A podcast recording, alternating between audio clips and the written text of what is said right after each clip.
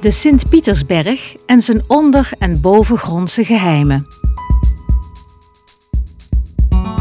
In de omgeving van de Sint-Pietersberg vind je een bolwerk van bovengrondse en ondergrondse verdediging. Om de stad Maastricht te behoeden voor een aanval werd 300 jaar geleden het indrukwekkende Fort Sint-Pieter gebouwd. Een vijfhoekige kolos op een uiterst strategische positie. Op het fort stonden maar liefst 23 kanonnen om de vijand af te weren. De ondergrondse structuren zijn minstens net zo indrukwekkend als de bovengrondse. In de Sint-Pietersberg liggen meerdere gangenstelsels. Die ontstonden tijdens de winning van de lokale kalksteen, beter bekend als mergel.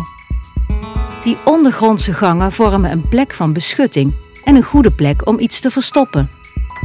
Zo heeft hier in de Groeve Zonneberg de originele nachtwacht van Rembrandt geschuild tijdens de Tweede Wereldoorlog.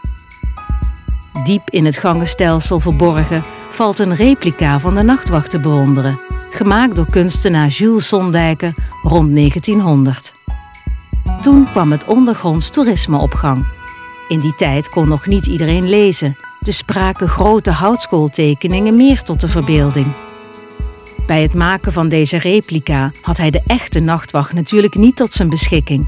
Extra wonderlijk dat die grotte nachtwacht zo mooi gelukt is.